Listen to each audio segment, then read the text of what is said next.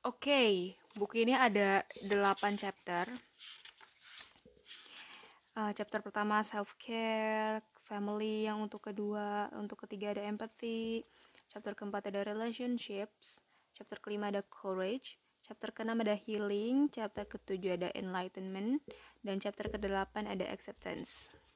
Seperti itu. Terus untuk chapter yang kedua tentang family, ini yang tadi aku bilang uh, kenapa jadi nggak fokus ke tujuan menjawab menerima diri kita di kehidupan yang serba sempurna ini? Karena tiba-tiba bahas family yang isinya kayak kita memposisikan diri kita sebagai orang tua gitu.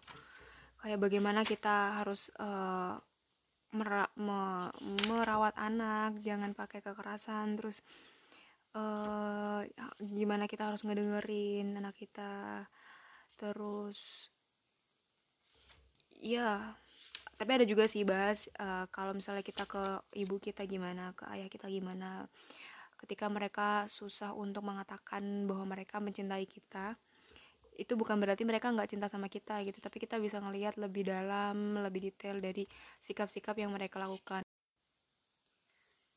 Hai. Selamat datang di Book Talks. Gimana kabar teman-teman semua? Semoga teman-teman hari ini semoga teman-teman selalu dalam keadaan yang baik-baik aja. Kali ini aku mau ngobrolin salah satu buku dari penulis yang udah aku bahas sebelumnya, yaitu dari Haimin Sunim. Jadi sedikit cerita, sebenarnya aku udah nggak ada uh, keinginan untuk beli buku Haimin Sunim lagi karena aku kurang suka dengan isi bukunya uh, maksudnya bagus bukunya bagus tapi um, pembahasan yang diceritakan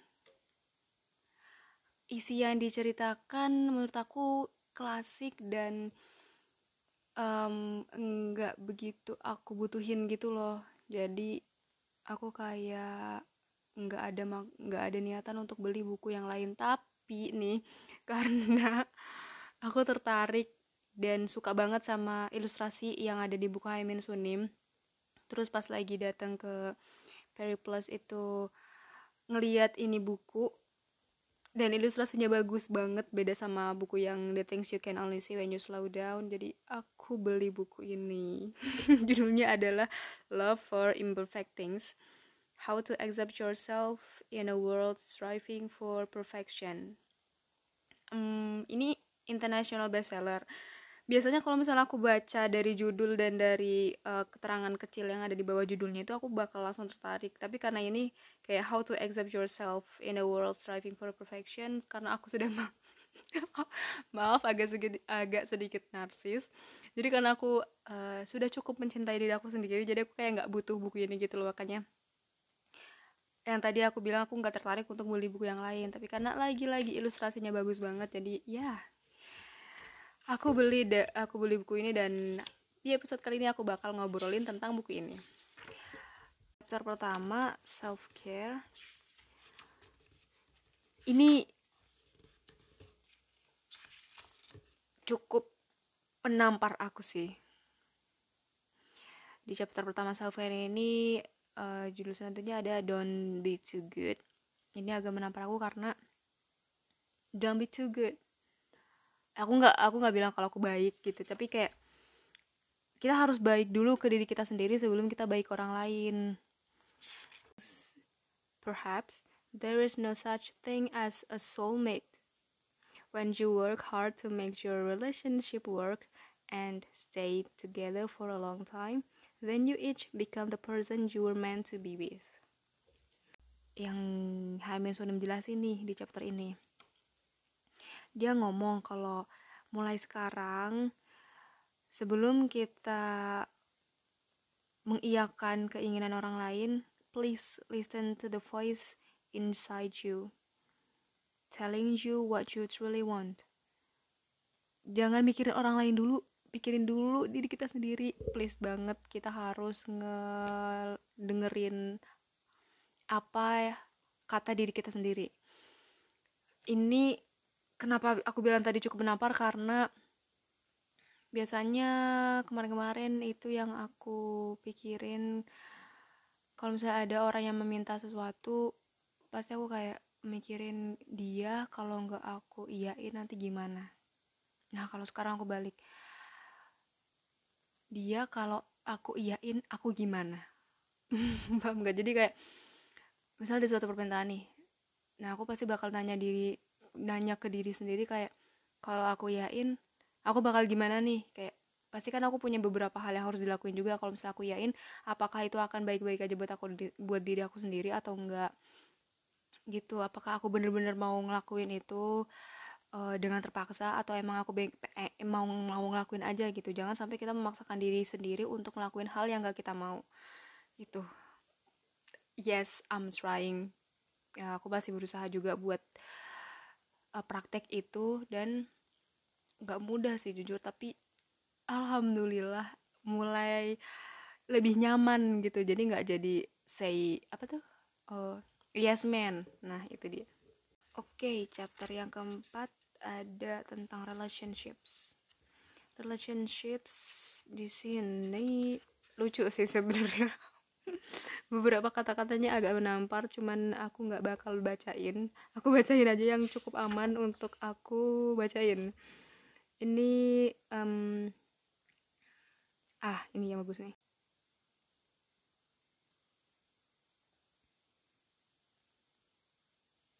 Ada kata-kata yang aku pengen bacain. To family or friends who have experienced a setback say even though you didn't succeed this time I am very proud of you. Under difficult circumstances you didn't give up. That to me is a success. Jadi terima kasih banyak teman-teman yang masih bertahan sampai sekarang. Walaupun lingkungan situasi bener-bener lagi gak baik dan pasti uh, kamu melewati hal-hal yang sangat susah yang kayak pengen bikin udahan aja sama dunia ini. Tapi terima kasih kamu masih bertahan sampai sekarang. Uh, aku yakin itu nggak mudah dan nggak semua orang bisa ngelewatin karena setiap orang punya masalahnya masing-masing. I am very proud of you. Thank you. Dan kamu ada sampai hari ini aja itu mas uh, buat aku is a success. Yes I wish you to be happy. But do not wait for someone to make you happy. Make the decision to be happy for yourself and act on it. Do not surrender to someone else the power to make you happy.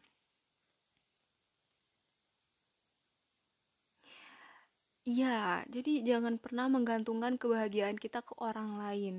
Jangan pernah karena kalau misalnya orang lain itu ngecewain kita atau ninggalin kita, kita kayak yang sumber kebahagiaan kita hilang gitu. Itu itu fatal banget jangan sampai. Jadi coba cari kebahagiaan di diri kita sendiri. Uh, pasti ada deh hal-hal yang buat kita seneng hal-hal yang kecil yang simple gitu yang aku pernah bahas juga kalau kita harus menyederhanakan kebahagiaan kalau misalnya kita udah bisa menemukan hal-hal itu eh, kita akan lebih mudah untuk menjadi bahagia. Oke okay, selanjutnya. Untuk chapter. Btw ini setiap uh, ada bisa ada pembahasan. Jadi kan Heimen Sunim tuh tipe buku yang pertama tuh ngebahas dulu nih. Biasanya ngebahas pengalaman dia atau ngebahas tentang cerita temennya dia atau ya uh, dari risetnya dia. Terus habis itu dia bakal ngasih kata-kata sekitar banyak sampai lima halaman gitu habis itu nanti ada ilustrasi. Dan ilustrasi itu bagus banget. Terus untuk yang selanjutnya di chapter tadi masih chapter empathy ya? Chapter ketiga. Chapter empathy ada juga yang aku pengen ungkapin. Bahwa listening is an act of love. Jadi um, kalau misalnya ada orang yang pengen cerita tentang masalahnya dia kalau misalnya kita nggak tahu apa solusinya kita cukup uh, ngebuka telinga kita untuk dia juga itu udah udah hal yang bagus gitu. Karena kan love language orang juga beda-beda nih jadi ya kita harus ngeliat bahwa rasa sayang itu nggak semuanya diungkapkan melalui kata-kata seperti itu. Terus untuk chapter selanjutnya ada tentang empathy di empathy ini um, ada pembahasan tentang the power of hugs. Nih mohon maaf nih Haimin Sunimekan karena kan saya tidak bisa memeluk orang sembarangan nih. Ini nggak bisa nih mempraktekkan yang ini. Jadi kalau di sini bilang hugs uh, kayak bisa memberikan efek yang sangat nyaman untuk orang yang lagi merasakan kesedihan atau ya lagi butuh empati gitu. Melalui pelukan itu orang bisa merasakan gimana sebenarnya yang pengen kita utarakan tanpa kita perlu berkata-kata. Tapi ya mohon maaf ya saya tidak bisa memberikan seperti how someone speaks about the other relationships they have had before meeting you tells you how they will speak about you to other people whenever your relationship hits even a small bump in the road. Ya itu pasti sih gimana dia ngeceritain hubungan sebelumnya ke kita itu cerminan gimana dia bakal ceritain hubungan yang sekarang kalau lagi ada apa-apa. Itu itu kayak cermin. Um, udah oke okay, chapter selanjutnya tentang courage hmm, ini aku bacain aja ini bagus aku suka kata-katanya to my beloved young friends. My dear beloved young friends, it, how are you these days? Did you have another long day at school or work? It seems no one has told you that if you are courageous, you can create your own destiny. It is entirely up to you to decide what kind of life you would like to have. Instead, you have been told by your parents and teachers that you should just follow the norm and do what the world expects of you. If you say that you want to become a musician or an artist, if you want to travel the world, if you want to have a serious relationship, you might be told, now is not the right time. You should concentrate on your studies. When you started college, you thought you could finally have the life you wanted. But then, what happened? You were told to prepare for your career. You had to apply for summer internship and study for qualifying exams. Again, you were bombarded with reasons to delay your own life.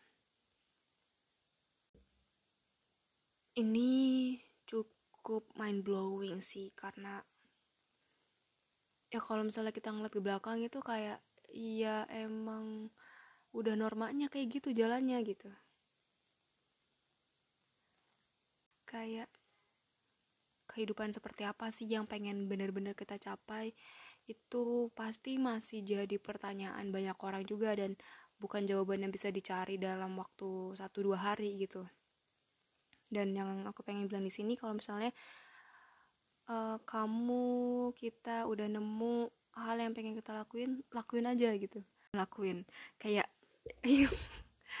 kecil sih. Cuman kayak ya memulai podcast ini itu kecil kan. Cuman kayak yang kamu mau lakuin lakuin aja. Nggak perlu pikirin orang lain. Nggak perlu pikirin um, apa yang mereka bakal kata uh, apa yang bakal mereka omongin. Kalau itu bagus untuk ke depannya untuk kamu sendiri mengevaluasi di kamu itu bagus ya ambil gitu. Tapi kalau misalnya itu kayak nonsense itu ya ya, ya uh, usah nggak usah dipikirin. Gitu. Um, oh ini ada yang aku mau bacain karena ini juga merupakan salah satu permasalahan buat aku sendiri ya. Even if it's not perfect set it aside and move on to the next thing. The idea of perfect the idea of perfection exists only in your mind and may not be the same for everyone. Sumpah ini kayak susah banget. Bukan aku maksud perfectionist tapi kayak selalu ada yang kurang dan hal itu tuh bikin aku nggak ngerjain.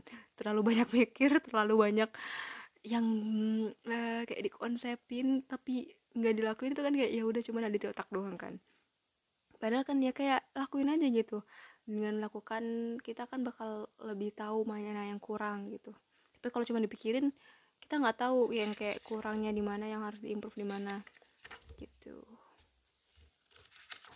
Terus chapter selanjutnya tentang healing. Ini adalah chapter ke-6 healing uh, di sini ada when forgiveness is hard. Ya kita harus memaafkan orang lain bukan demi orang itu tapi demi perasaan kita sendiri agar kita lebih damai.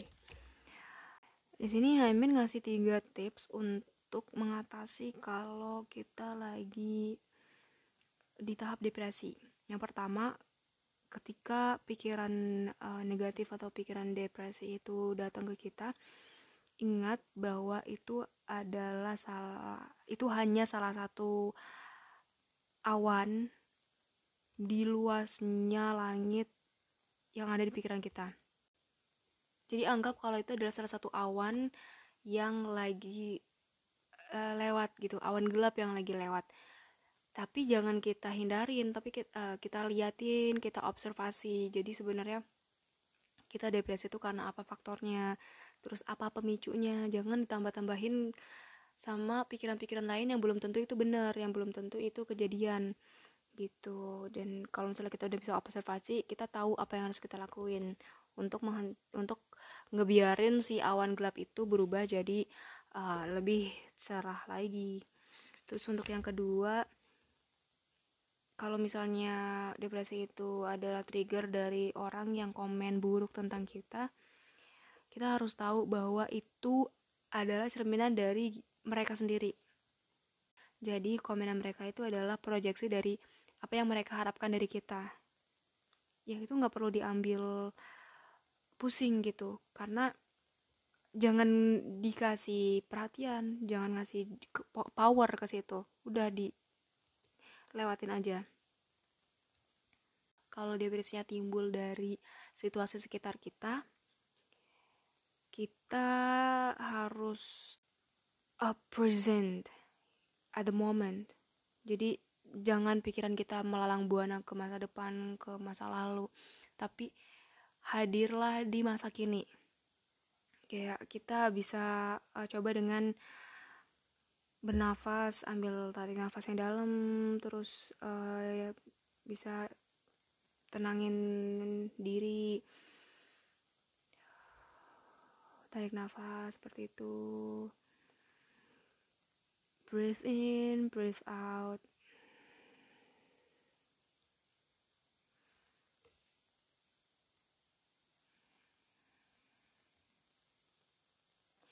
when you feel your breath moving in and out of your body pikiran kita tuh akan lebih rileks.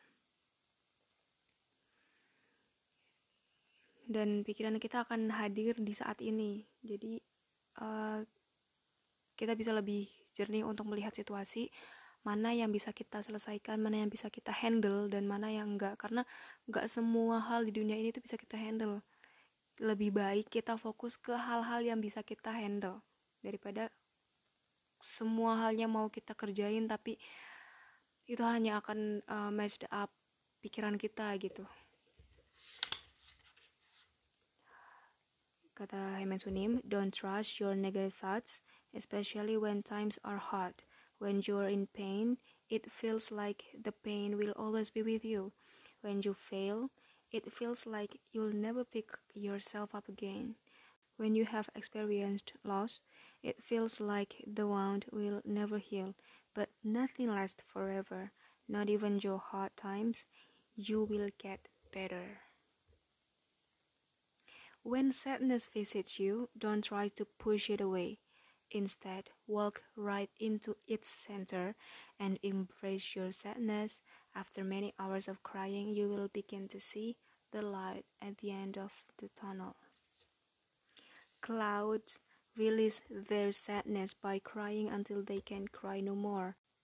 When they have no tears left to cry, they feel a great weight has been lifted as heavy as all the tears they have shed. We can release our sadness into the sky within us. when we feel sad it's okay to cry like the clouds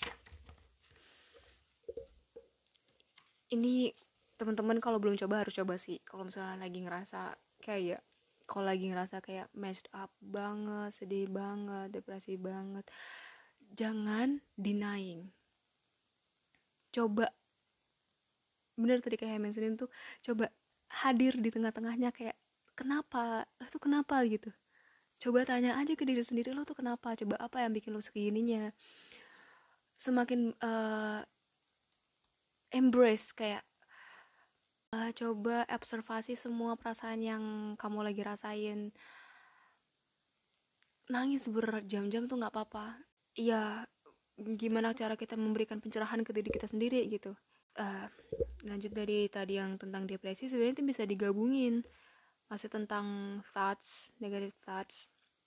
Di, um, mungkin aku mau bacain satu aja ini kata-kata yang sunim. When thoughts are when thoughts or emotions arise do not attach the word i to them. Assuming that they are my thoughts or my emotions they usually linger only briefly. If you keep claiming them as yours you will only obstruct their natural flow and mistakenly identify with them. Kadang kan kita nggak tahu kan nangis aja gitu tanpa alasan.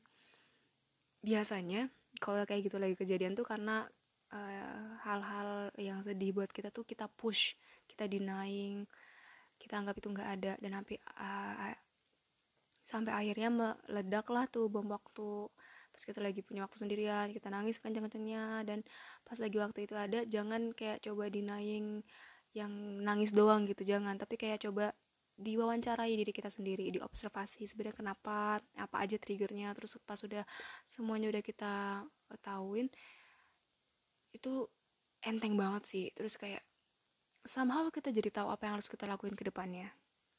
Gitu. Terus chapter ke-7 enlightenment. Oke okay, chapter selanjutnya. Chapter terakhir itu tentang acceptance um, di sini ya tapi uh, balik lagi. Biasanya kan kalau kita sayang sama orang kita nggak pengen dia ada di tempat-tempat itu aja kan kayak stuck nggak ada improvisasi. Nah sama juga ke diri kita sendiri. Kalau kita sayang ke diri sendiri kalau kita sayang ke diri kita sendiri kan pasti kita juga mau kalau kita maju gitu. Nah itu juga sama buat penerimaan diri ini jadi kayak kita cari apa yang bisa kita improve untuk lebih uh, membuat diri kita bangga. Jadi uh, melakukan hal juga jangan karena mau dipuji orang lain atau mau mendapatkan afirmasi dari orang lain. Ya walaupun ada ada sih memang yang suka dengan hal itu tapi lebih baik kalau you find peace not by rearranging the circumstance of your life, but by realizing who you are at the deepest level. Our true self can never be lost, even for a single moment. Just like the present can never be lost, it is always here and now, whether or not we pay attention to it. Melakukan sesuatu yang bisa membuat diri kita bangga itu lebih aman garansinya karena uh, ya ini balik ke diri kita sendiri gitu. Kita nggak bergantung ke orang lain untuk menunggu afirmasi atas apa yang kita lakukan karena kan kita nggak bisa kontrol orang lain nih. Kita nggak uh, nggak tahu kalau misalnya kita udah ngelakuin sema, semaksimal mungkin tapi ternyata dia responnya nggak sesuai dengan yang kita pengen kan kita kecewa. Nanti kita sakit hati lagi kita nggak enak lagi perasaannya. Nah gitu. Jadi ke diri kita sendiri aja dulu sebelum ke orang lain. Orang lain bonus deh gitu. Singkat aja intinya kita harus menerima diri kita di sisi apa pun. Kita harus memahami kita di level terendah kita juga. Kita harus tahu apa trigger-trigger kita. Kita harus tahu gimana cara kita um, menyemangati diri kita sendiri yang tadi aku juga udah bilang kalau kebahagiaan juga jangan bergantung ke orang lain tapi kalau bisa keluar dari diri kita sendiri. Opini aku pribadi ini kurang tepat untuk menggambarkan ini kurang tepat untuk menggambarkan kata-kata how to accept yourself in a world striving for perfection. Karena pembahasannya terlalu ke mana-mana. Aku lupa ngasih tahu kalau ini total ada uh, eh, 300 halaman dan gak spesifik gitu untuk ngebahas kata-kata tadi.